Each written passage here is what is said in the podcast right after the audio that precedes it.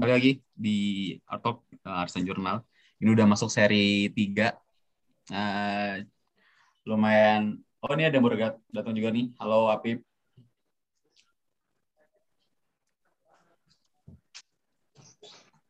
Ini um, Arisan Jurnal tuh ya tadi yang udah sempat kita obrolin juga terkait ini kita pengenlah ada wadah di mana kita bebas ngomong eh, nggak uh, menyerang nggak menyerang pandangan tapi juga ada data ilmiahnya. Uh, dan apa pun background yang mau ditekan tapi kebetulan hari ini dan ini adalah uh, minggu ketiga masih dengan background yang sama kita semua di sini perencanaan kota ya. Tapi ya tapi itu tidak menutup kemungkinan kalau kita punya pandangan yang berbeda dan semoga di diskusi kali ini kita juga dapat uh, ragam pandangan tersebut gitu. Uh, di minggu ini di arisan jurnal yang ketiga kita temanya kampung kota uh, yang inklusif dan berkelanjutan. Uh, ini hasil dari pemenang uh, arisan jurnal minggu sebelumnya. Umam. Umamnya dia milih tema ini dan nanti karena uh, dia memilih dan uh, menang di minggu lalu, kita kasih kesempatan dia untuk lebih dulu memberikan uh, prolog atau monolognya terhadap uh, jurnal yang kali ini kan kita diskusikan dan mungkin karena uh, ini ada Nika juga, selamat datang Nika, Nika bergabung. Ini pertama kali ini, semoga. Ya ampun, aku selamat datangin. Oke. Okay. Well, thanks. Iya, ya. Ya, semoga ini langsung ya hajar-hajar ya. Jadi aturannya nggak ada yang spesifik, bisa uh, bisa hajar-hajar aja kalau misalkan dirasa uh, ada hal yang harus disampaikan. Karena bisa gatel tuh pengen ngomong kayak itu langsung aja ngomong, nggak perlu uh, raise hand dulu, ah nggak usah gitu ya langsung nyalain aja mic-nya ngomong, uh, terus nanti umam kan umam nanti monolog nih, terus setelah itu langsung tanggepin aja. Jadi nggak nggak perlu siapa dulu siapa dulu. Kalau misalnya dia mau langsung ngomong, monggo. Oke, langsung Mam disikat.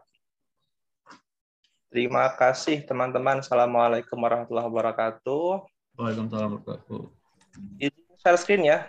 Mungkin sedikit bentuk PowerPoint biar mungkin teman-teman bisa sedikit terbayang apa inti dari jurnal tersebut karena memang jika dilihat jurnalnya cukup panjang, kurang lebih 20 20 halaman kalau nggak salah kan. Ini memang Aku ini senang banget nih, Umam nih salah satu yang niat banget kalau ini selalu share screen ya. Poin-poin kecil lah walaupun jelek. Poin-poin putih ini masih yang. Oke. Okay. Terima kasih, selamat sore semuanya. Terus buat teman-teman yang baru bergabung dalam kegiatan Adisan Jula pada sore hari ini. Di mana dalam hal ini kita akan membahas jurnal berjudul Strategi Peningkatan Kualitas Lingkungan Kampung Kota dalam rangka pembangunan kota yang inklusif dan berkelanjutan. Dengan pembelajaran dari kasus Kota Bandung ditulis oleh Bapak Iwan Kustiawan dengan Bapak Afrizal Ramadan. Di dalam hal ini, jurnal ini memiliki tiga sasaran. yakni adalah teridentifikasinya karakteristik sebaran kampung kota di Kota Bandung, termasuk juga kota kumuhnya, dan juga teridentifikasinya karakter fisik lingkungan dan sosial ekonomi kampungnya yang ditunjukkan melalui indeks keberlanjutan lingkungan dengan studi kasusnya ada di tiga kampung karena memang secara base-nya memang mengambil di kota Bandung. Namun dalam hal ini peneliti memilih untuk uh, tiga kawasan yang kita bahas kawasan apa saja. Dan juga yang ketiga sarannya adalah terumuskannya strategi peningkatan kualitas lingkungan kampung kota dalam rangka mewujudkan kota inklusif dan berkelanjutan. Jadi poinnya adalah bagaimana menciptakan uh, wilayah ataupun kota yang inklusif dan berkelanjutan.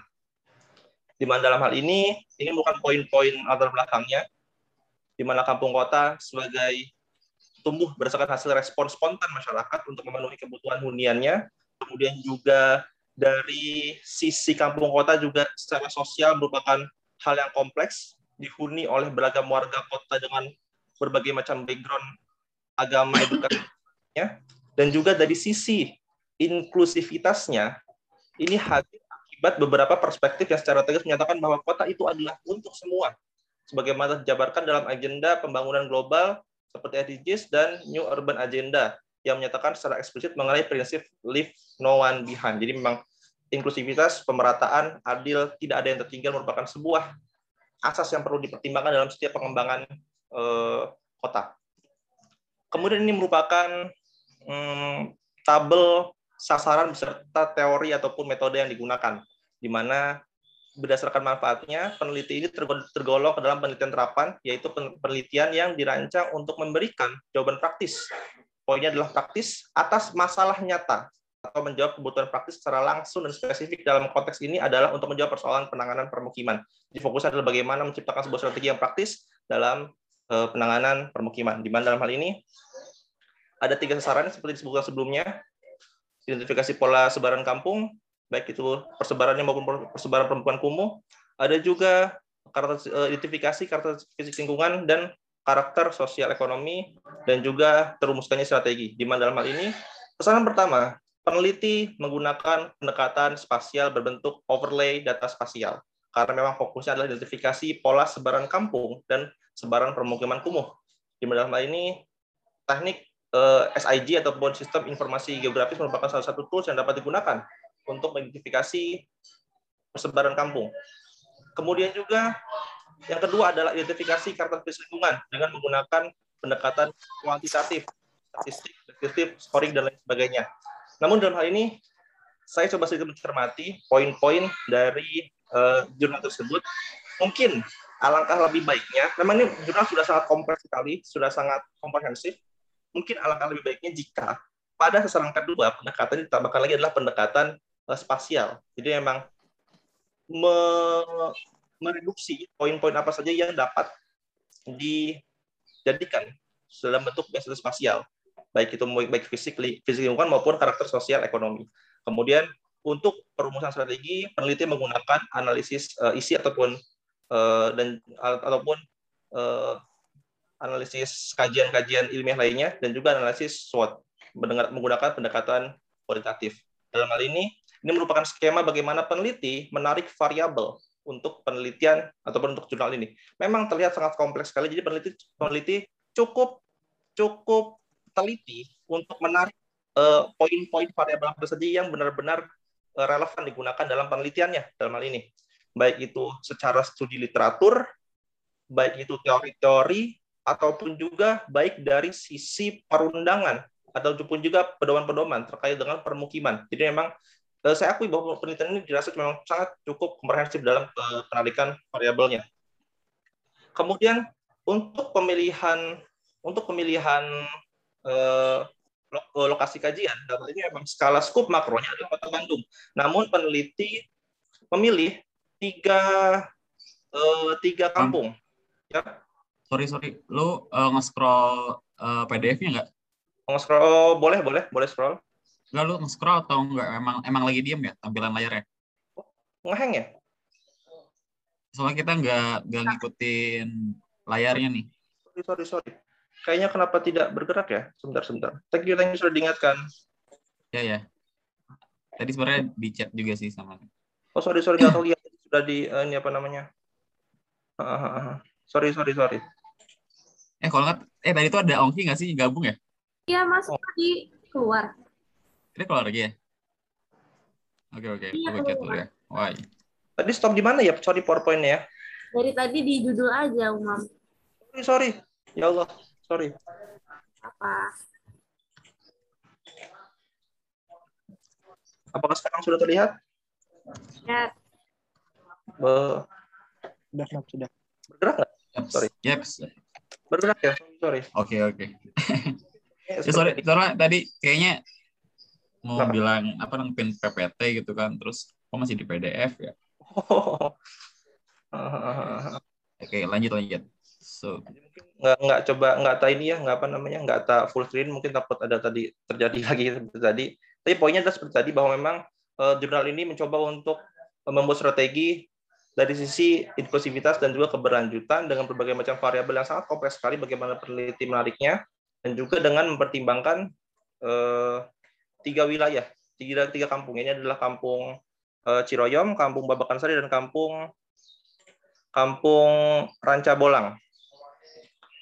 Di mana dalam hal ini peneliti mempertimbangkan mengambil tiga kampung tersebut asal pertimbangan pusat kota, dalam kota, dan juga uh, zona pinggiran kota. Jadi memang peneliti cukup cukup uh, berhati-hati juga dalam memilih uh, wilayah kajiannya.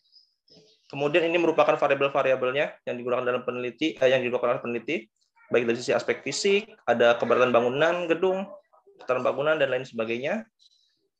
Kemudian juga ada aspek sosial, baik dari sisi keberatan penduduk, tingkat pendidikan, tingkat partisipasi masyarakat dan lain sebagainya. Aspek ekonomi ada tingkat pendapatan, kepemilikan kendaraan pribadi, bahkan sampai peneliti masukan, ada juga mata pencarian dan lain sebagainya. Sehingga dalam hal ini kesimpulan yang dapat ditarik adalah eh, kampung di Indonesia telah memegang peran penting dalam proses pembangunan kota sebagai salah satu bentuk dari permukiman informal. Saat ini kawasan kampung masih menjadi tumpuan khususnya bagi masyarakat berpendapatan rendah eh, dalam pemenuhan kebutuhan hunian keberadaan kampung khususnya di, di kota Bandung memiliki nilai historis sebagai cikal bakal bentuk ruang perkotaan serta memiliki nilai vital bagi sebagian besar masyarakat sehingga perlu mendapat perhatian dalam pembangunan dan tidak boleh termarginalkan dalam konteks penataan ruang kota ini merupakan kesimpulan awalnya eh, kesimpulan pada pertamanya. Kemudian juga pada kajian ini dilakukan analisis dari berbagai pendekatan baik kuantitatif maupun kualitatif dan juga pendekatan spasial Eh, dari analisis pun diketahui bahwa di Kota Bandung terdapat 60% kawasan kampung berada dalam kawasan kumuh dan 42% tidak memiliki legalitas dan 17% tidak sesuai dengan peruntukan lahan perumahan yang ditetapkan oleh RDKRK Kota Bandung. Dan juga berdasarkan survei primer terdapat eh, sorry terhadap tiga kampung kota diketahui bahwa status keberlanjutan fisik lingkungan relatif lebih rendah. Jadi memang poinnya adalah status keberlanjutan fisik lingkungan lebih rendah dibandingkan dengan status keberlanjutan sosial ekonomi. Dan kata lain, dari dimensi sosial ekonomi, pada dasarnya kampung kota merupakan suatu sistem lingkungan yang hingga saat ini eksistensinya masih tetap ada namun berada dalam kondisi yang buruk jika dilihat dari dimensi fisik lingkungan. Dan juga hal ini menunjukkan bahwa kampung yang masih menjadi alternatif hunian bagi MBR berada dalam kondisi yang tidak layak huni sehingga pemerintah perlu menempatkan kampung kota sebagai bagian integral dari sistem perencanaan kota. Legality dan kepastian hukum terhadap eksistensi kampung kota juga perlu dijamin sehingga perencanaan yang ditergasi dapat eh, dapat terjadi. Kemudian juga dalam hal ini karena memang poinnya adalah bagaimana strategi untuk kampung kota dengan bentuk eh, inklusivitas dan juga keberlanjutan, maka dalam hal ini peneliti merumuskan beberapa poin-poin eh, rincian strategi. Dalam hal ini saya cukup uh, cukup tertarik ketika peneliti membuat sebuah strategi di mana peneliti cukup cukup memperhatikan penulisan kalimatnya seperti poinnya adalah dalam hal ini strategi untuk perumahan bangunan rumah di mana salah satunya adalah membangun hunian vertikal bersubsidi sebagai alternatif relokasi hunian kampung kumuh yang diarahkan untuk resettlement permukiman kembali dengan memperhatikan daya dukung lingkungan. Dalam hal ini kalimatnya cukup menarik. Kenapa? Karena dalam hal ini peneliti tidak memasukkan bagian dari fisik lingkungan seperti eh, kekuatan tanah, jenis tanah, batu dan lain sebagainya. Namun dalam strategi, peneliti tetap merujuk bahwa strategi untuk hunian tetap mempertimbangkan pada daya dukung lingkungan yang ada di wilayah tersebut. Jadi di dalam ini eh, peneliti cukup cukup cukup baik dalam mengarahkan kalimatnya sehingga memang dapat diterima oleh berbagai pihak. Jadi ini merupakan poin-poin uh, strateginya, baik dari sisi fisik lingkungan, ada bangunan rumah, regulasi, legalitas, ada sisi kelembagaan dan juga regulasi juga, ada sisi pembiayaan pun coba untuk peneliti peneliti uh, masukan. Dan juga dalam hal ini peneliti juga memasukkan peran komunitas. Jadi dalam bentuk meningkatkan kapasitas dan peran komunitas internal lokal dalam menjalankan fungsinya sebagai penghubung pemerintahan dengan masyarakat dan juga memberikan stimulan untuk meningkatkan daya tarik dan peran komunitas eksternal maupun LSM untuk berpartisipasi dalam pengentasan kawasan kumuh. Jadi memang di sini cukup komprehensif peneliti untuk memasukkan strateginya, fisik lingkungan, legalitas, pembiayaan, hingga peran komunitas ataupun partisipatif masyarakat pun eh, peneliti masukan. Mungkin sedikit prolog yang dapat saya sampaikan, teman-teman yang memiliki masukan atau memiliki pandangan dan lain sebagainya, eh, mangga silahkan untuk eh, memberikan tanggapannya. Terima kasih. Assalamualaikum warahmatullahi wabarakatuh. Waalaikumsalam warahmatullahi wabarakatuh. Guys, sebelum menanggapi mau nyapa dulu nih ada yang baru datang M Rizky. Halo Emerski. Ada Ongki juga. Halo Ongki. Dan Fatin. Halo, Halo, Fatin. salam kenal semuanya. Ya, salam kenal. Salam kenal. Ya, Tampaknya teman-teman makin banyak bidang keilmuan makin asik. Gua Karena membahas mengenai inklusivitas, keberlanjutan kota memang merupakan sebuah topik yang cukup kompleks. Tidak bisa satu sudut pandang, pasti memang pasti teman-teman juga punya punya pandangan-pandangan lainnya yang dapat dimasukkan, yang dapat dikeluarkan. Mangga, teman-teman, Warid dan rekan-rekan, ya, ya. Eh, apa? Gue pribadi happy ya. Eh, ada ada yang baru-baru buat join eh, diskusi di forum ini. Karena makin semakin ada peluang-peluang apa keributan ya. Karena kadang-kadang eh, ini ya karena ada juga nih dari apa dari eh, ilmuwan geomatik gitu ya. Geomatika. Eh, ini juga pasti ada perbedaan-perbedaan yang eh, sudut pandang gitu. Jadi kalau sedikit mau menanggapi dulu gitu ya atau eh, ntar teman-teman bisa juga gabung ini. Em, ini sih, gue sebagai salah satu eh, orang yang pernah bertinggal di kampung kota selama tiga bulan di Jakarta. Waktu itu ngekos di di ruangan satu kali dua jadi cuma ada kasur gitu kan ada lemari kecil terus kipas gitu kan. Yang kalau dinyalain tuh bunyi ngek ngek gitu kan. Tadi itu eh, di pusat kota di Jakarta Pusat tuh ya nggak tahu itu murah atau mahal tapi accessible sih sebenarnya. Tapi yang mau disampaikan adalah tadi ketika selesai uh, apa pada strategi bilang hunian uh, vertikal gitu kan terus diawasi ketika masyarakat uh, swadaya dalam membangun gitu. emang tuh uh, betul banget gitu kalau misalkan karena uh, itu terjadinya ini ya, organik gitu ya. Jadi keinginan masyarakat sendiri gitu. Nah, waktu itu di, di gang sempit uh, terus padat banget itu tuh hawanya beda. Ketika kita ada di luar di jalan protokol terus kita masuk ke gang itu tuh langsung kayak ses gitu. Langsung kayak anget-anget gimana gitu.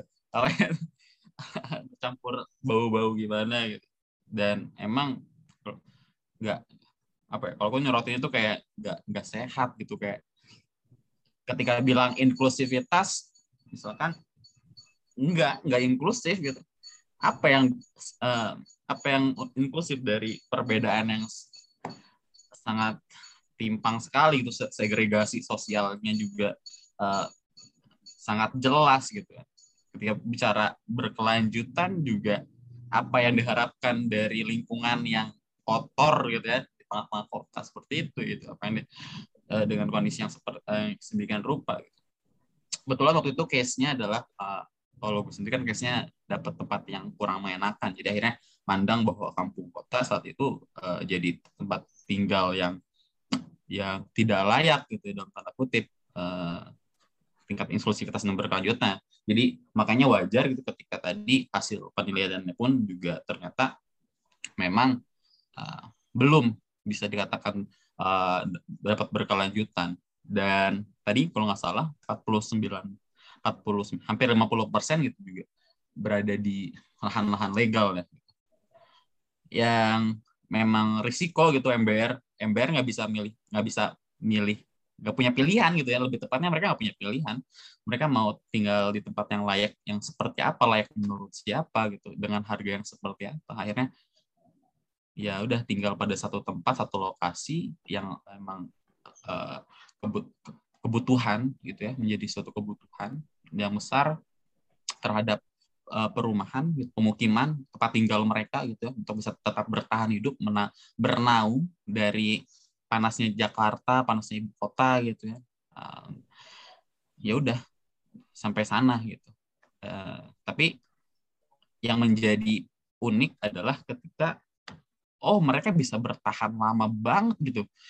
Dari dari puluhan tahun mereka tinggal dengan uh, dengan serba kekurangan seperti itu. Kalau kita kalau saya mandangnya kalau gue mandangnya serba kekurangan lah gitu.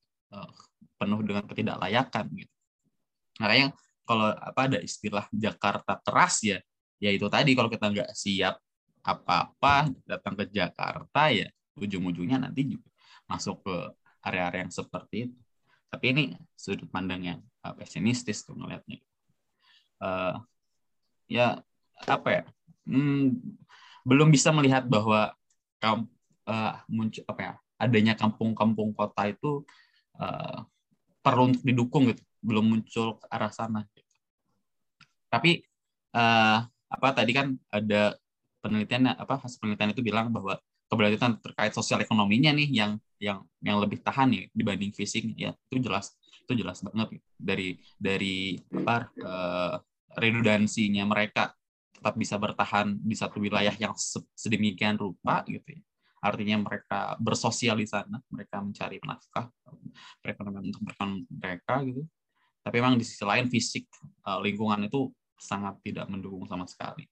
Mungkin aku ngasih pandangan itu terhadap uh, ya sebagai orang yang pernah tinggal di kampung kota.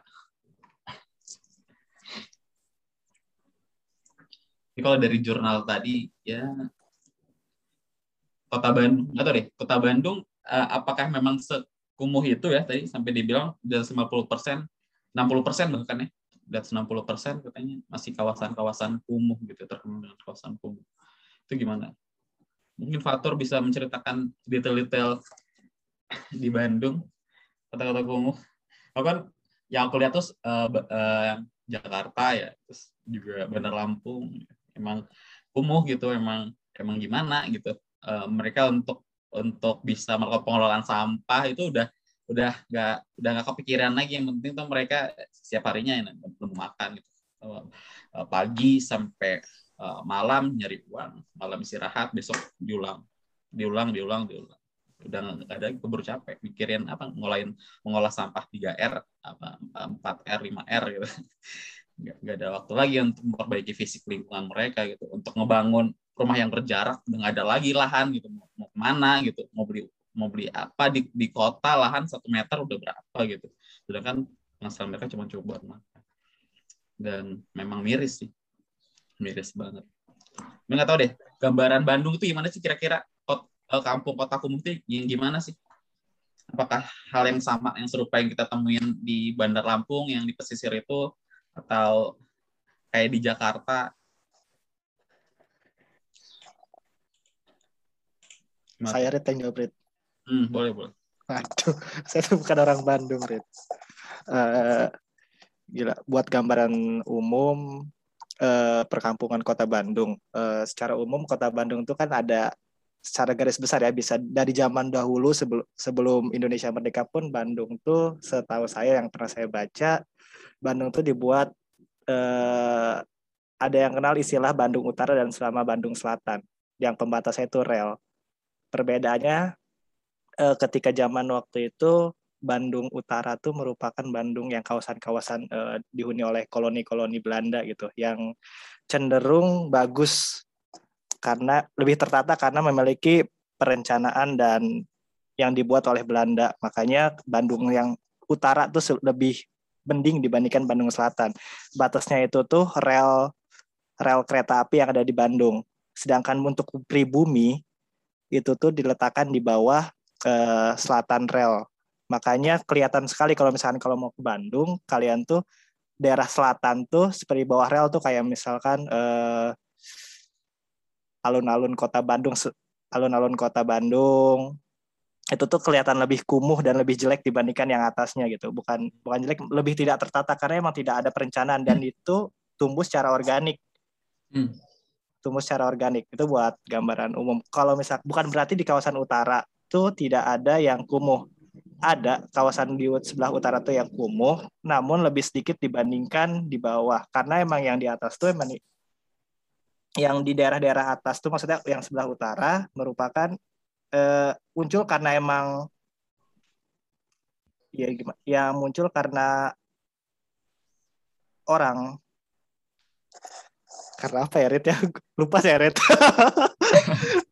Pokoknya itu ya, karena munculnya juga organik juga tapi karena ya Ah. kehidupan berkembangnya zaman oh mungkin orang Belanda eh, udah mulai pergi dan diisi diisi diisi dan tumbuh semakin lama semakin padat semakin padat karena ya pusat kegiatan berada di daerah sana kayak gitu.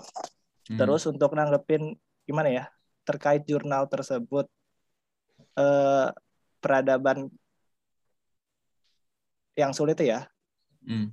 peradaban kota di perkampungan ya sosial dan ekonomi di kota tuh ya mungkin kita nganggap tuh nggak nyaman. Tapi mereka sendiri tuh merasa nyaman tinggal di sana. Jadi ibarat kalau bukan bukan pemerintah bangun yang nggak in- inklusif menurut saya. Dia pemerintah juga kota Bandung terutama kan juga memikirkan tapi nggak semudah. Ibarat oh ketika dia harus pindah dari lokasi awal ke yang lain tuh ada kayak semacam apa sih ikatan dengan orang tua mungkin kampung-kampung kecil masa-masa kecil di sana kayak gitu kan. Yang tidak bisa pindah ketika dia pindah hilang semuanya itu rasanya. Makanya kalau misalnya pernah dengar istilah kayak orang Bandung tuh lebih netep eh, lebih senang tuh netep di daerahnya sendiri. Hmm. karena emang punya keterikatan sama atas. Makanya itu yang sulit sekali. Terus saya juga terkait dengan eh, ada strateginya tadi kan eh, apa strateginya pembangunan hunian vertikal pembangunan hunian vertikal. Ya seperti kita tahu saya juga males tinggal di apartemen gitu kan di vertikal Iya. gitu kan. Karena emang biasanya landed semua kan dan itu tuh emang susah. Ketika ti- ketika kita membuat vertikal apa mungkin iklim atau suasana di kampung kota yang seperti sekarang tuh bakalan kembali ada gitu ketika kita ngebangun secara vertikal. Itu yang perlu dibuat karena identitas suatu kota tuh dari kampung kalau saya lihat ya. Hmm. Hmm. kampung. Kampung tuh ya kayak gimana ya? Kadang kadang ya terkadang kayak misalkan ketika kita hidup di udah pindah ke mana gitu loh. Eh, kayak misalkan saya waktu itu pernah main ke ke mana? Kan lagi ke Jakarta ke daerah Hmm. tempatnya Arin di daerah Glodok pokoknya kumuh lah intinya.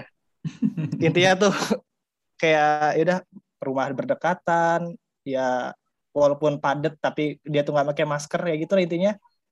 Tapi Hmm. ya kayak kedapat oh dulu tuh saya tuh pernah di sini loh pernah daerah-daerah sini dengan suasana kayak gini anak kecil main senang-senang. Sedangkan kalau misalkan udah cenderung modern ada vertikal kan cenderung kita ya gimana sih egois gitu. Ibaratnya kayak mementingkan diri sendiri tidak tidak berkerum eh, tidak apa namanya ya tidak saling berkomunikasi lebih intens lagi ketika kita eh, tidur awet tidur apa eh, tinggalnya berdekatan.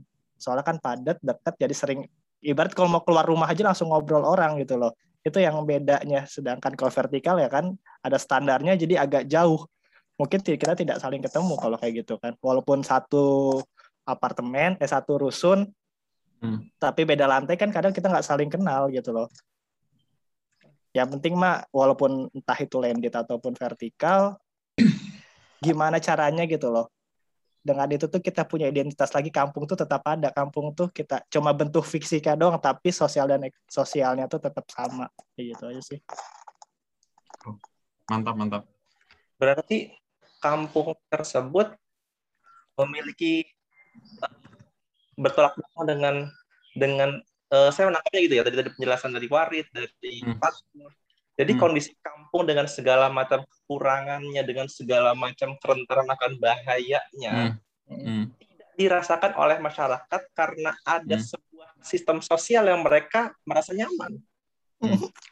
itu yang salah ya Tapi menarik ya, apa maksudnya? eh, tadi ada beberapa poin yang ditangkap. Pertama adalah apakah intervensi perencanaan kota itu berpengaruh terhadap munculnya si kampung-kampung kota ini gitu kan? Terus yang kedua, inklusif yang seperti apa sih gitu? Jangan-jangan yang kita omongin sekarang inklusif adalah cara pandang mereka yang kita bisa bawa ke diri kita gitu. Jangan-jangan salah.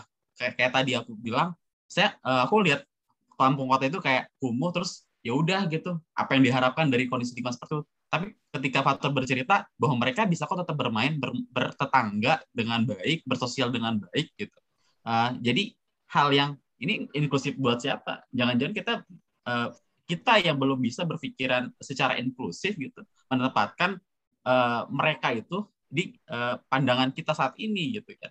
Terus apakah hal tersebut tidak membahagiakan bagi mereka? Yang enggak juga mereka fun fun aja gitu bertahun-tahun juga hidup gitu uh, di sana gitu kan. Uh, apa membangun peradaban gitu ya. Bahkan tadi ada satu statement yang menurut uh, menurut uh, aku tuh menarik banget. Peradaban kita tuh Indonesia tuh ya dari kampung-kampung gitu dan benar gitu ya. Kampung itu kan sebenarnya adalah identik dengan adanya warga gitu ya. Adanya satu keluarga yang uh, tinggal di satu wilayah gitu kan. Terus membentuk satu uh, membentuk satu uh, sistem gitu kan. Uh, uh, bertangga gitu. Ya udah itu jadi satu kampung. Nah, ketika itu ditempatkan di kota jadi kampung kota. Cuman jadi masalah adalah sistem sosial yang menurut mereka sekarang ini nyaman, yang menurut mereka sekarang ini tidak apa-apa, kok kita bahagia-bahagia aja. Apakah itu juga, gitu ya? Apakah eksternalitas setelah mereka merasakan itu nyaman, apakah ini tidak bisa menjadi toleransi juga untuk uh, warga warga kota yang lainnya, gitu, yang di luar daripada kampung kota mereka, gitu kan? Kan ini ada harus ada satu jembat yang menjembatani, gitu. Apa sih yang diperlukan, gitu? Nah ini mungkin uh, apa ya gitu. Mungkin gimana nih? Untuk mau ngomong dong. gitu. Nah. halo. Boleh, boleh nih. Yo halo. Terus kan jadi denger fatur saya warit aku terus gue mau pakai gue aja deh biar pelengkap lah ya. Sorry banget. Jadinya uh, sebenarnya ada empat poin yang mau gue bahas. Yang pertama adalah beside semua uh, tanggapan dari Fatur dan juga Warid sama penjelasannya Umam tadi gitu. Dari jurnal yang dibagikan aja tuh kan judulnya strategi peningkatan kualitas lingkungan kampung kota dalam rangka pembangunan kota yang inklusif dan berkelanjutan. Terus kita ambil case-nya dari kasus kota Bandung gitu kan. Nah, menurut gue pada saat ini gue mau pengakuan dosa dulu, jadi gue baca jurnal ini pas pas gue download aja terus karena gue tahunya minggu depan jadi gue baru aja baca pas tadi Warid ngechat lagi gitu. Dan gue baca hanya basic kita baca jurnal cepat aja abstrak eh, terus sama. habis itu kesimpulan lalu ya itulah yang cara belajar cara baca jurnal cepat itulah pokoknya those life hacks Training. yang sangat berguna itu. Nah terus habis itu poin pertama yang mau gue bahas di sini adalah dari yang tadi juga di jadi tanggapannya Fatur sama Warid, kampung kota sama kumuh itu seolah jadi satu kesatuan. Di sini aja, dalam jurnal yang sedang kita bahas ini, di judulnya sama sekali tidak disinggung masalah kumuh. Yang kita singgung di sini adalah kampung kota. Makanya waktu gue baca lagi scroll down ke bawah, eh, terus habis itu latar belakangnya kota Bandung memiliki luas pemukiman kumuh, gue yang kayak, why? gitu. Kenapa? Karena yang mau kita bahas di sini kampung kota gitu. Kampung kota dan pemukiman kumuh is two different things that we can be dijadikan satu seperti ini gitu. Itu yang mau gue itu yang uh, gue tekanin pertama sih makanya tadi agak ngebias karena begitu Umam selesai jelasin, Warid langsung iya, gue pernah uh, pernah apa tinggal di kampung yang terus habis itu lo menceritakan dengan segala kampung dan segala aspek kumuhnya gitu.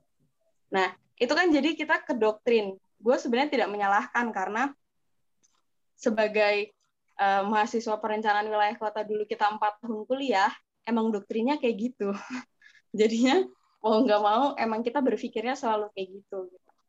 Nah terus kalau kalau apa sih kampung kota itu sendiri gitu? Kita ambil pengertian Wikipedia-nya aja lah. Kampung kota itu merupakan bentuk pemukiman yang berada di wilayah perkotaan dan berciri khas Indonesia itulah mengapa tadi gue setuju sama pendapatnya Warid dan Fatur bahwa kampung kota itu sebenarnya sebenarnya yang menggambarkan daerahnya itu ya kampung kotanya gitu. Terus kenapa pemerintah secara, e, merasa seperti sangat terganggu dengan keberadaannya gitu.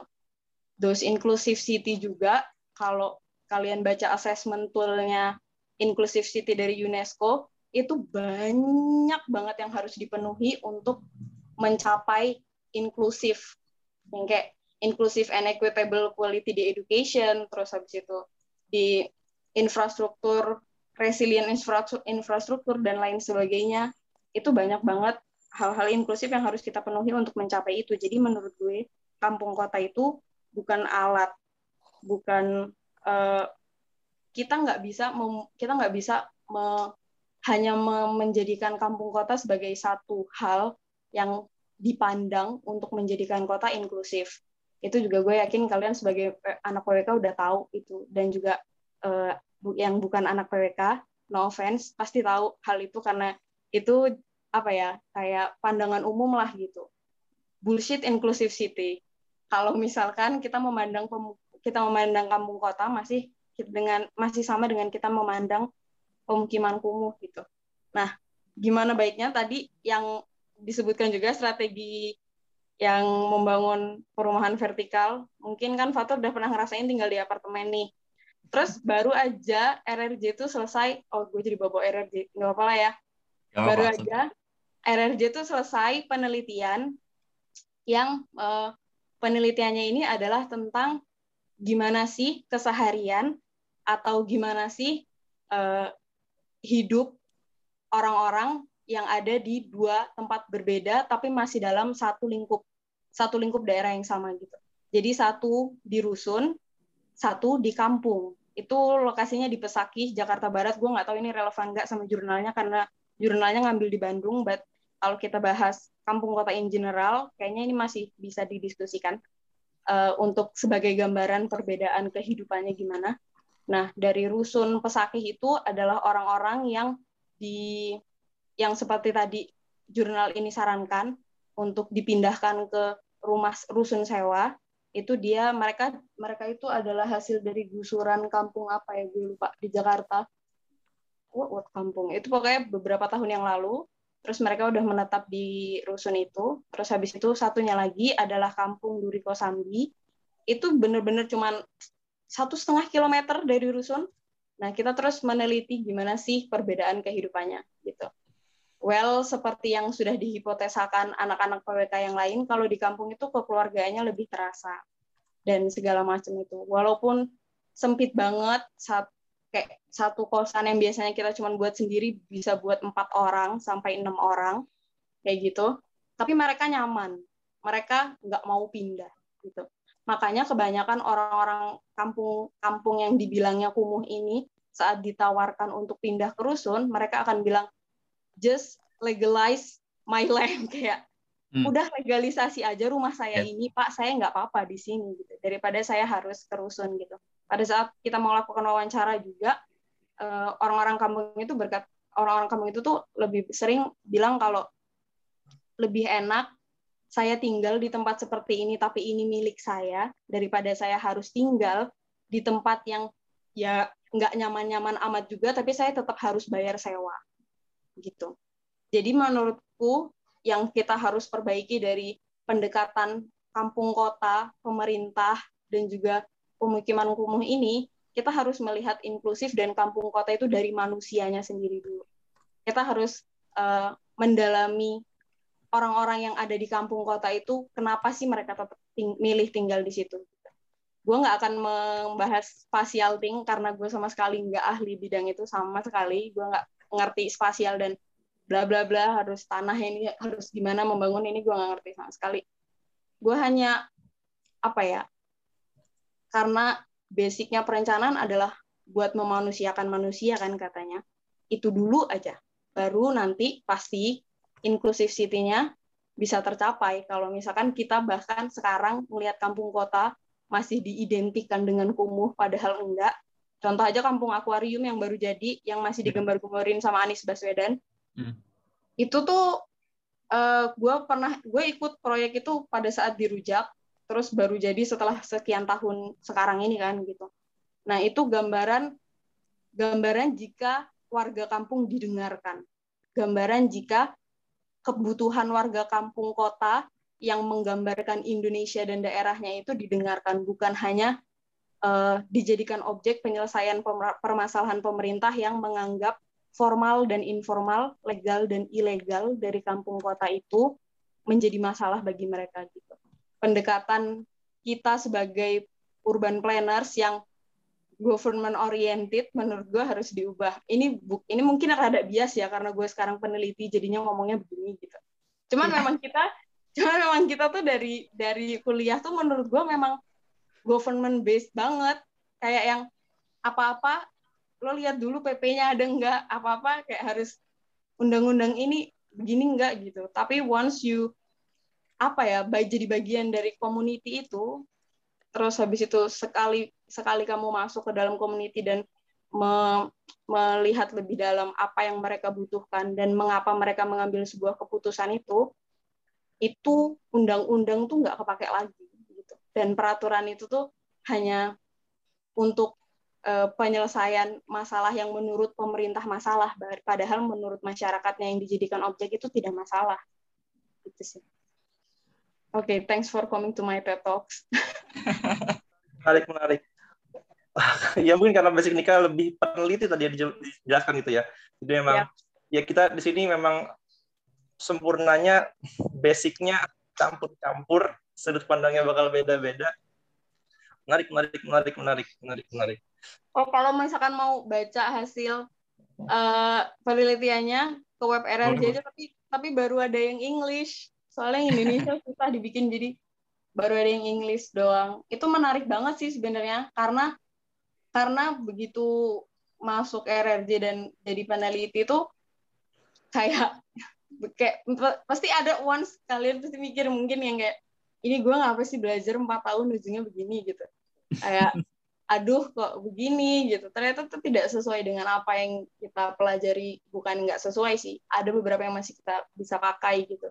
Cuman tuh uh, menghadapi masyarakat langsung dan menghadapi per, yang mereka anggap benar-benar masalah dan menghadapi yang kata pemerintah masalah itu benar-benar beda. Yep. Thank you, thank you. Mantap mantap mungkin kita di sini side-nya beda-beda pandangannya beda-beda menarik menarik tapi mungkin saya sedikit bertanya gitu ya sama teman-teman semua dengan ini mungkin sedikit keluar konteks poin dari jurnal tersebut. Menarik ketika kita membahas mengenai bagaimana memanusiakan manusia. Bagaimana menciptakan apa yang mereka inginkan. Efektifkah? Apakah dengan jangka waktu sekian tahun apakah eh, apakah apakah seimbang dengan dampak uh, negatif lingkungan yang akan dihasilkan gitu loh. Jadi misalkan misalkan ini misal misal kampung kota, anggaplah kampung kota yang kumuh di pesisir uh, kota dengan berbagai macam pendekatan itu minimal maybe 3 4 tahun untuk hmm. bisa bisa bisa bisa bisa menjadi apa yang kita inginkan. Namun kan emang itu 3 4 tahun itu kan bukan waktu yang waktu yang waktu yang sebentar.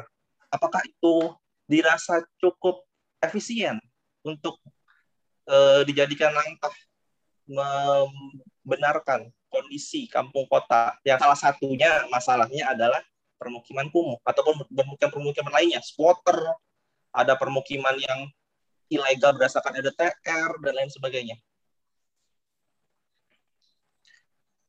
Um, mungkin kalau misalnya gini ya, uh, gue pengen ada lagi nih pandangan tadi uh, perempuannya karena di sini ada tiga kan ada Fatina uh, Bernadinda juga terus tapi sebelum mereka ngom ngomong nih terkait uh, diskusi kali ini ada Ongki gue gue penasaran juga sih uh, Ki lu masih ada di sini gak? Halo. Halo. Ah, Ki. Uh, di apa di kan sekarang lu juga kan udah mulai apa ya uh, apa ya bakal calon dosen kan. Udah mulai banyak riset-riset lah kan.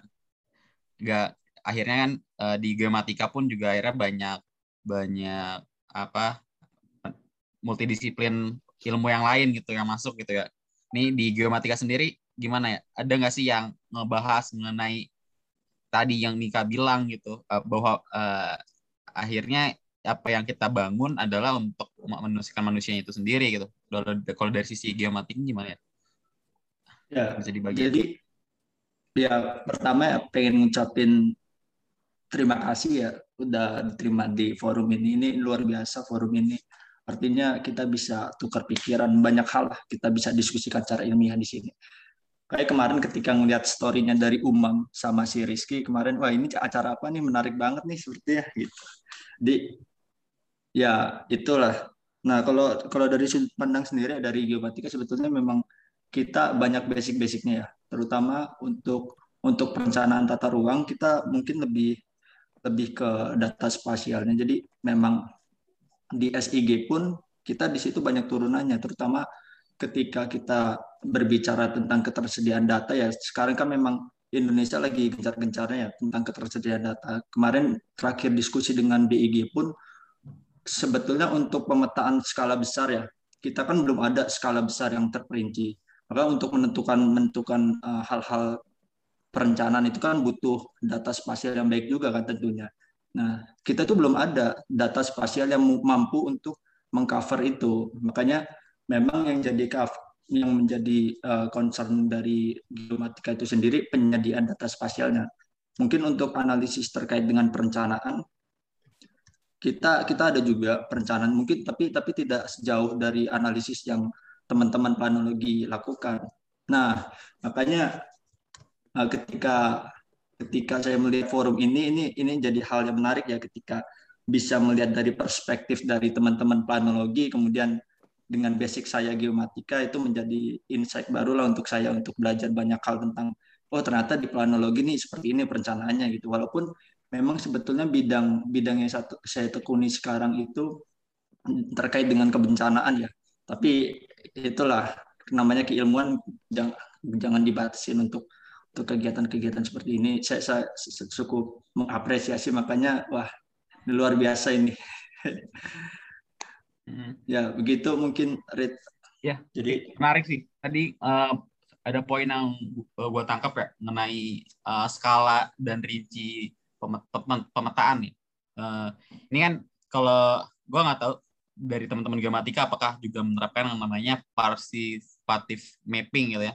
Uh, yang mana itu uh, kita uh, kita percaya aja nih sama masyarakat nih dan ini menurut gue akan berkaitan sekali dengan proses perencanaan daripada si kampung kota ini gitu. Tadi bilang Mika bahwa uh, kasus yang kita punya kayak misalkan di kampung akuarium itu adalah hasil dari buah uh, pemerintah yang mau mendengarkan aspirasi aspirasi warga kampung kotanya gitu sehingga uh, mereka tahu gitu. Nah ini kalau dalam segi uh, pemetaan nih uh, untuk skala besar dan rinci ini apakah akan ada, uh, ada uh, dualisme gitu antara uh, pemetaan secara detail yang dilakukan secara teknis gitu dengan partisipatif ini. Kalau di game gimana nih menyikapi hal tersebut? Nah, nah ini menarik nih. Hal-hal errornya. Ya, ini sebenarnya isu yang menarik ya. Ketika ini lagi banyak kajian tentang bagaimana peran geomatika untuk mengakomodir dari kepentingan desa. Sebenarnya ada beberapa hal yang sedang dikerjakan ya terkait dengan isu-isu geomatika terkait spasial di uh, kita dari Geomatika Itera saya juga menginisiasi untuk kita ingin membuat bagaimana kita menciptakan desa-desa binaan yang di mana memang mengintegrasikan semua semuanya itu dari spasial. Contohnya, contohnya kita kemarin coba di desa Karanganyar ya, Karanganyar kan dekat Itera. Nah di situ kita coba buat konsep smart village di situ desa-desa pintar. Nah kita bangun pemetaan partisipatif, kita ajak masyarakat tuh kita lakukan pemetaan, pemetaan partisipatif yang yang memang betul-betul mereka bisa ikut andil di situ. Nah, kita lakukan lakukan pendekatan-pendekatan cara ya namanya kita di masyarakat belum tentu mereka menerima kita dengan baik ya walaupun itu tujuannya baik. Nah, itu yang memang sering kita temui ya. Dan dan banyak kasus ketika kita tadi menyinggung dengan pemerintah, pemerintah di sini saya lihat kemarin kemarin juga banyak diskusi ya terkait dengan uh, konsep ini, kemudian kita mau coba masifkan pergerakannya, kita lagi lagi coba prototipe lah dua desa. Nah, tapi kita lagi lagi melobi terus untuk kemudian bisa di bisa diterapkan di secara masif. Nah, sebenarnya konsepnya itu sederhana ketika kita ngajak masyarakat untuk berpartisipasi. Contohnya desa Karanganyar itu dia dia punya potensi uh, hasil hasil persawahan yang bagus. Nah, kita kita buat jaringan utilitas, kemudian peta desa, batas-batasnya, batas dusun segala macam. Nah, dari dari situ yang mau mau mau kita angkat dari sisi geomatika itu bagaimana masyarakat itu peduli akan potensi desanya dengan mengumpulkan data secara kolektif dan kemudian itu tujuannya bisa diintegrasikan secara luas nantinya. Nah ini sebenarnya jadi isu nasional kita di geomatika ya bagaimana memang peran geomatika itu lebih terperinci ter, terperinci dalam artian bisa menjangkau dan menghubungkan antar antar struktur yang kecil-kecil itu tadi. Jadi dari desa, kemudian ke kota. Nah, dari situ nanti dibuat struktur besar, database yang besar. Nah, yang itu saling berintegrasi. Misalkan potensi desa A memiliki potensi apa, B, C, D. Nah, dari situ bisa digabungkan semua datanya. Nah, itu sebenarnya jadi tujuan tujuan dari geomatika sekarang ya. Dan dan juga selain itu kita juga lagi membangun isu mengenai kalau teman-teman mungkin tahu ya pasti pasti banyak kajian tentang ini untuk teman-teman. Itu tentang uh, pemodelan tiga dimensi di daerah perkotaan. Dan ini di Bandung udah ada nih di Bandung. Tapi tapi dari Bandung untuk ketersediaan memang sekarang masih digarap dari teman-teman ITB ya. Kebetulan memang ada uh, mentor saya juga di ITB Pak Denny itu yang mem yang me, uh, mempromotorkan lah di prototipe dari pemodelan tiga dimensi sana. Jadi sekarang lagi lagi banyak bergerak di yaitu tadi selain dari pemetaan skala besar yang kita belum tersedia itu kekurangannya. Nah, kemudian kita juga mau membangun fraksi-fraksi kecilnya itu itu dalam tahap tahap apa ya tahap membangun cara spasialnya. Mungkin dari sisi geomatika ingin menyediakan cara infrastruktur data menghubungkan antar database yang kemudian bisa diintegrasikan secara keseluruhan. Mungkin uh, banyak dan dan dan isu yang sekarang lagi hangat ya, yang lagi hangat kemarin dibahas juga dengan PPRT dari BIG yang uh, yang membuat tentang kebijakan peta itu mengenai topik yang hangat ya beberapa tahun ke depan yang bakal menghasilkan cuan dan banyak-banyak problematika di depannya itu masalah hmm pemetaan utilitas. Wah, itu hmm. jadi ladang ladang cuan itu nantinya. Kita orang-orang orang kita belum ada, maksudnya orang Indonesia belum banyak yang mengarah ke sana. Nah, itu salah satu contohnya. Mungkin ini terlalu terlalu luas ya bahasanya karena hmm. dari sisi geomatika dan planologi memang kita agak ada gap karena pada dasarnya kan kalau di geomatika sebagai dasarnya mungkin ya penyedia penyedia data kemudian dari teman-teman planologi untuk merencanakan segala perencanakan segala sesuatu yang jadi perkembangannya. Mungkin dari sudut pandang geomatika seperti itu. Ya, ya. Sebenarnya tadi sangat berkaitan banget sih kalau kalau aku lihat ketika uh, geomatika berusaha untuk menyediakan satu base data yang besar gitu ya untuk utilitas dan juga infrastruktur uh, untuk integrasi antara daerah satu dan daerah lainnya gitu ya dengan uh, pembahasan kali ini tentang kampung kota yang kadang kala gitu ya kita membuat database sendiri gitu ya tapi warga kota kampung kotanya ini juga nggak tahu gitu. Yang mereka tempatin itu sebenarnya uh, tepat dan layak nggak sih gitu? Apakah selama ini? Tapi tadi poin yang penting yang diambil adalah bagaimana ternyata juga dalam pemetaan uh, secara spasial tim geomatika juga juga apa suara masyarakat itu didengar juga gitu loh. Maksudnya dalam artian nggak selalu teknis, kita juga uh, apa dari sana sederhana pun juga mengakom, mengakomodir, mengakomodasi gitu ya uh, bahwa uh, ya kita juga perlu gitu si, si warga itu untuk uh, memberikan uh, pandangannya. Uh, ya keren, menarik banget. Uh, sorry mam tadi pertanyaan anda belum dijawab sama teman-teman yang lain gitu. Nah sekarang bisa dijawab nih. uh, pengen dari Fatin atau uh, Berlandinda? Boleh, sok. Mau tambahin sebenarnya setuju sama uh, pendapat teman-teman semua tentang uh, kampung kota. Jadi emang sering kali emang si kampung kota ini malah di sama-samain sama permukiman kumuh gitu. Padahal uh, pernah baca juga, pernah baca juga tentang kampung kota, terus juga ngelihat ternyata kampung kota itu juga punya peran buat si kota itu kan karena uh, uh, namanya apa sih tadi kata Fatur juga dan yang lain bilang kalau misalnya ya kampung itu juga misalnya kota itu juga bisa hidup karena kampung-kampungnya gitu. Dan juga tuh kalau bisa dilihat pola di kampung kota itu maksudnya kampung kota itu punya pola yang kegiatannya itu uh, berpusat di kampung itu. Jadi kayak kalau kita balikin ke konsep perkotaan bisa jadi di kampung itu uh, pola kegiatannya kompak. Terus maksudnya kayak uh, kegiatannya ada di situ terus mereka juga sarana prasarananya juga ada di situ. Terus juga apa ya di kampung kota itu juga biasanya tuh sekarang tuh sering apa ada kegiatan-kegiatan ekonomi di kampung kota yang ternyata mendukung kegiatan di kota gitu. Misalnya kayak ada uh, kegiatan sentra apa gitu yang emang jadi ciri khas di kampung kota itu. Terus apa lagi ya em karena setiap karena sebenarnya emang kampung kota itu beda sama permukiman kumuh terus tuh uh, kampung kota itu punya ciri khas masing-masing gitu di setiap kampungnya yang ternyata uh, sering kita temui beberapa kampung itu justru dijadiin tempat salah satu wisata gitu di kota. Kadang-kadang kita juga bingung sih di kota itu apa sih wisatanya gitu. Jadi kadang-kadang si kampung kota ini yang malah jadi objek wisata atau daya tarik wisata di kota. Sama mau jawab yang tadi itu apa? Eh, SIG SIG untuk uh, ini. Pe, apa namanya? Pembatasan atau yaitu kampung kota atau permukiman kumuh.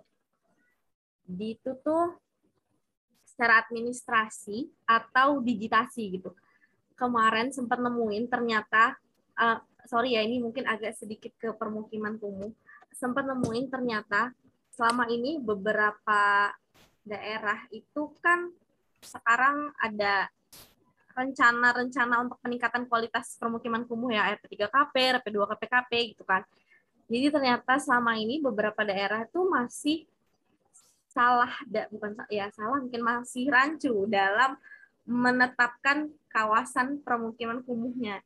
Jadi sering kali si daerah itu punya uh, punya desa-desa atau kampung-kampung ya desa-desa yang jadi kawasan permukiman kumuh dan ternyata mereka menetapkan satu desa secara administrasi itu adalah permukiman kumuh yang harus ditingkatkan kualitasnya yang harus di harus di apa ya harus dikurangkan nilai nilai kumuhnya itu dan itu yang masih sering rancu karena uh, jadinya susah untuk menilai apakah setiap tahunnya permukiman kumuh di daerah tersebut berkurang karena punya penilaiannya kan.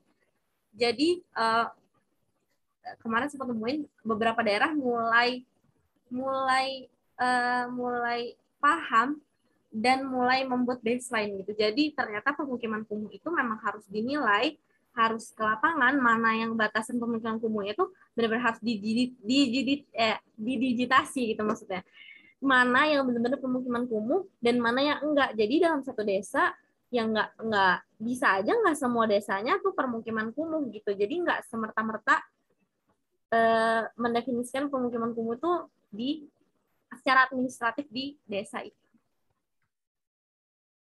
Itu sih tambahannya.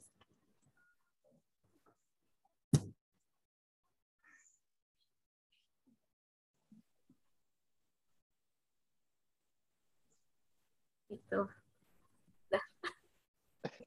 Eh, Berdin. Tapi setuju sama Berdin tadi yang bagian dia bilang pemukiman itu kompak karena di salah satu bagian salah satu bagian penelitian yang gue lakuin kemarin juga menunjukkan kalau misalkan uh, compactness di neighborhood itu penting banget. Apalagi di masa covid kayak gini mereka kan uh, terbatas pergerakannya. Terus habis itu ada banyak karena mereka juga kebanyakan dari kalangan menengah ke bawah yang mengandalkan transportasi umum misalkan mereka jadi kesulitan untuk berpindah dari tempat tinggalnya untuk menuju ke lokasi-lokasi yang memang mereka tuju gitu kan terus apa namanya kemarin juga ada laporan dari PU atau dari mana gitu yang menyatakan bahwa selama pandemi ini eh, mobilitas di pemukiman itu meningkat 10%. Jadi memang orang-orangnya kan hanya ada di sekitar pemukiman mereka aja. Jadi penting untuk suatu pemukiman atau neighborhood itu buat compact menyediakan apa yang dibutuhkan sama penghuni. That's really good statement. Yap. Keren. Uh, ada lagi nggak yang mau nanggapin? Hania? Ke mana Pak kabur. Oh iya sih. Gue udah agak duga dikit gitu sih kalau dia bakal kabur. Iya, gue juga mikir tumben dia mau kan. Oke. Apalagi forum kecil. Pasti kesempatan ngomongnya bakalan ada. Dia ngilang sih. Iya pasti. Uh, aduh kayak baru, baru mau saya encourage untuk ngomong. Udah telat gue gue tinggal.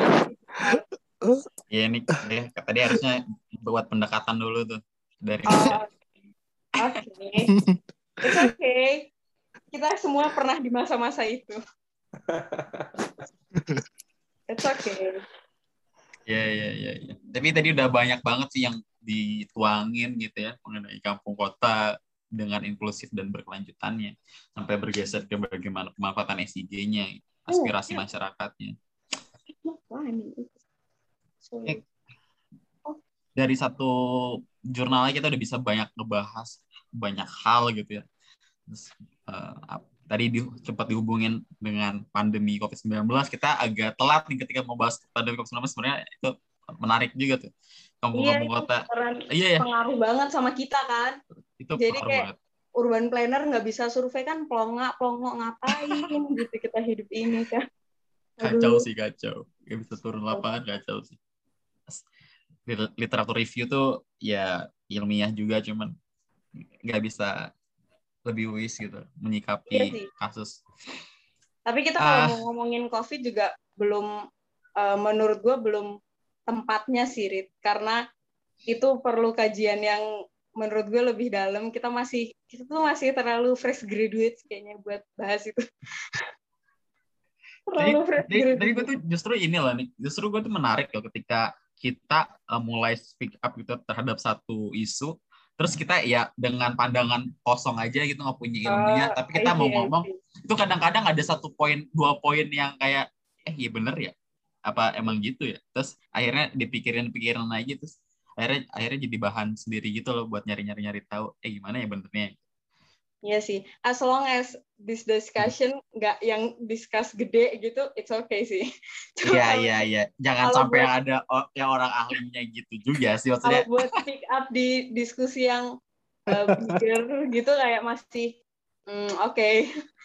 Ya dan itulah kenapa forum ini tuh hanya tujuh delapan sembilan pertama bahkan tiga orang. It's okay. Ini kayak begini aja udah kayak oh ada wadahnya gitu loh. That's really nice. Makanya gue langsung DM lo kemarin. Hmm. ini ini sebenarnya kayak ya bilang eh sorry ini belum kita belum masih on record. Jadi udah, udah banyak hal itu uh, oh pengen ini dong. Apa kayak oh. kemarin lagi nyumbang kata di Menti. Kalau kalian buka laptop bisa diklik di uh, linknya terus nanti diisi. Ini sekarang ada ya isinya yang kayak sekarang. lagi dua menit. Oh iya. Oh, dua menit aja. Ah.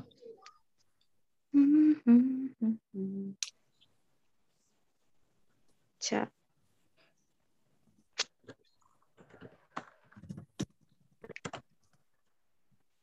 Oh, okay. Who's this? Hmm.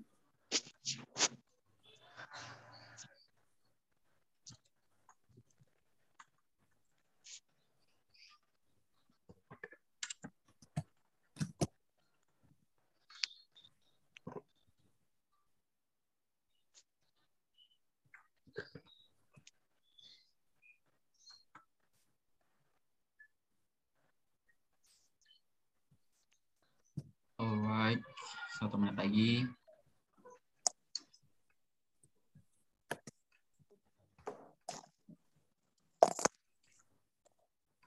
Oh, is this it?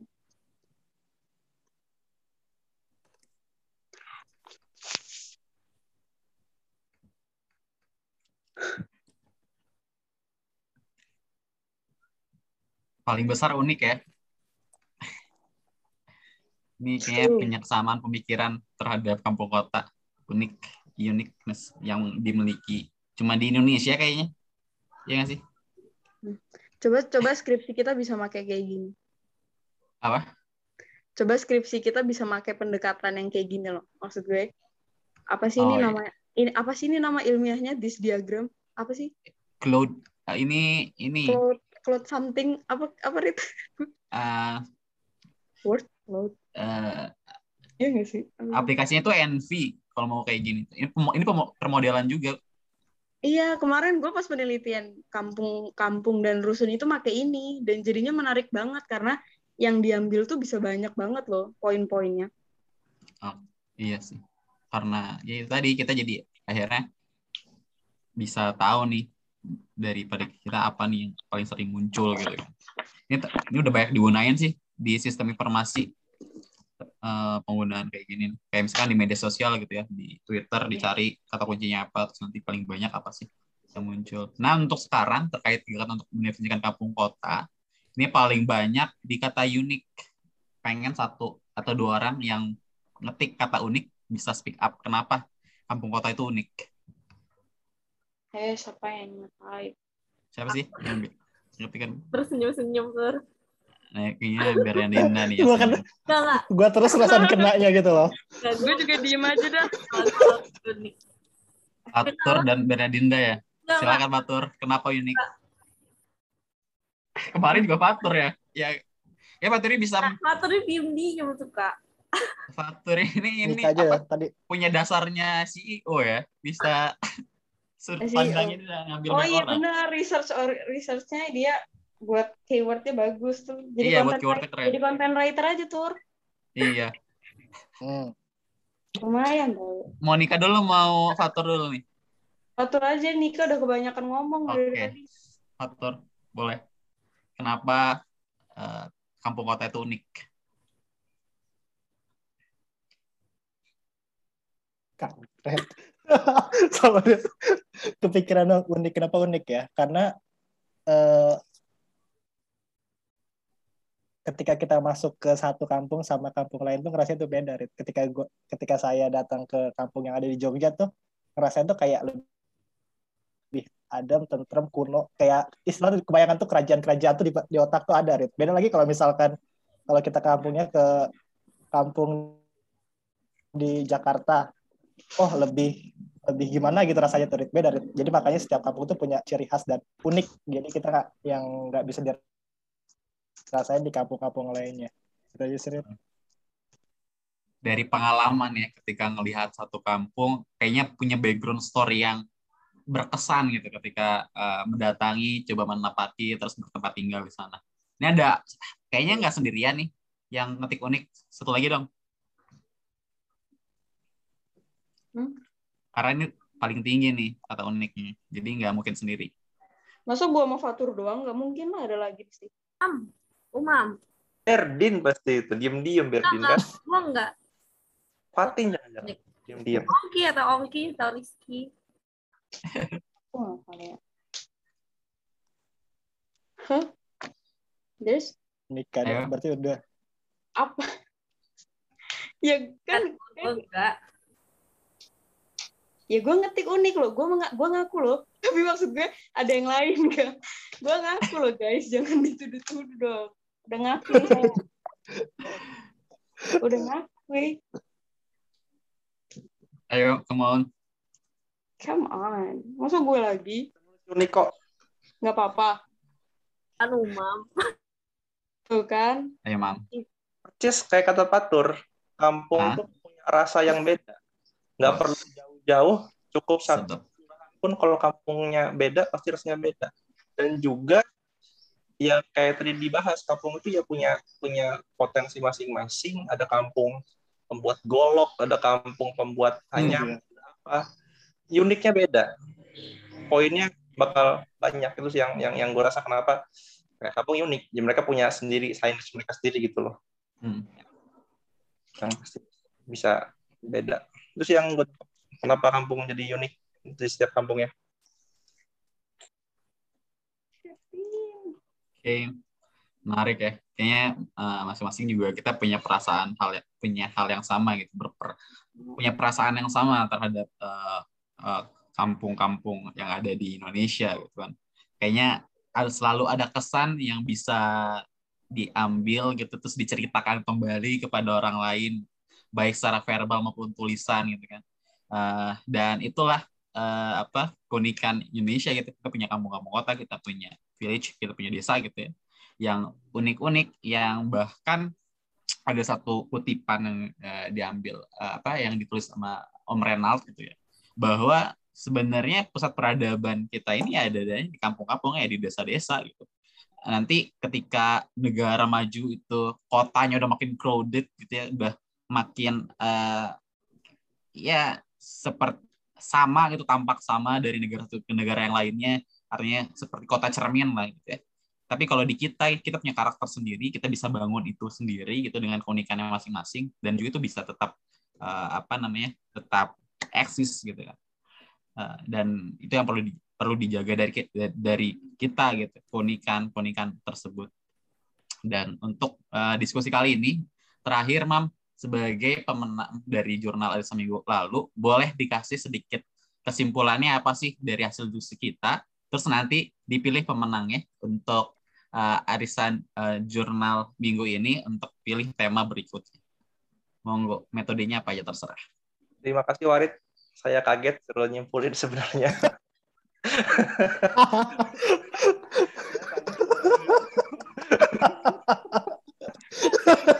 Aneh ya.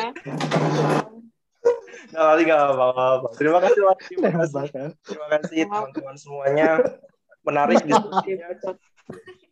Dibuka dari sisi permukiman, inklusivitas, keberlanjutan hingga melebar ke berbagai macam aspek. Namun pasti tetap tetap berporos pada sisi-sisi ilmiah, baik itu ilmiah perhitungan, ilmiah eh, pengalaman dan lain sebagainya. Juga memang eh, kampung kota menjadi sebuah lokasi yang penting hadirnya untuk sebuah kota dan kompleks masalahnya untuk sebuah kota juga. Terima kasih. Saya Umam. Assalamualaikum warahmatullahi wabarakatuh. Dari saya mungkin untuk jurnalnya saya orangnya nggak bisa jahat. Saya saling ke teman-teman aja lagi mana nentuinnya. Saya nggak bisa nunjuk orang, nggak tega orangnya. Nggak tega orangnya. Mungkin Ongki minggu depan bisa membawa tema spasial-spasial secara kalau kemarin sih cara milihnya yang di tengah dan kebetulan Oki lagi di tengah. Iya. Jadi gimana? Iya bener Oki di tengah. Katanya tadi nggak mau nunjuk nunjuk buat Oki. Iya, baru join dari ini nih. Begitu Ki baru join Ki. apa ya? Ini salah satu uh, apa? uh, uh, marketing ya.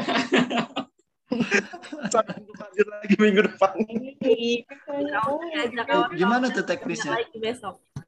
Uh, teknis uh, ini apa kalau udah punya tema tema apa yang mau dibahas atau udah punya jurnalnya uh, bisa nanti di share langsung gitu ya. Apa kalau hari ini udah tahu nih mau terkait apa bisa disebutin temanya terkait apa. Nanti kalau udah ketemu jurnalnya bisa kasih uh, ke ke kita nanti kita posting di minggu dua minggu setelahnya. Buat tentang uh, next. apa? Ada nggak? Bebas. Apa bebas. apa? apa pun. Mau ngomongin uh, percintaan boleh mau ngomongin harta gono gini boleh ngomongin hukum Islam boleh. That sounds cool. Mau ngomongin cintaan apa pun. Karena jurnal nggak terbatas ya keilmuannya. Semua ada oh, kita bisa bahas. Gue gue pikir ini oh, bahas, gitu. kita bahas jadi boleh bebas ya. Apa aja gitu. Bebas bebas mau ngomongin kebencanaan oh. mungkin lagi concern ke bencana bisa. Bencana I hate. Oke boleh deh. Ya ya. Apa? Boleh nanti nanti tentang gempa atau tentang gunung. Okay. Boleh boleh.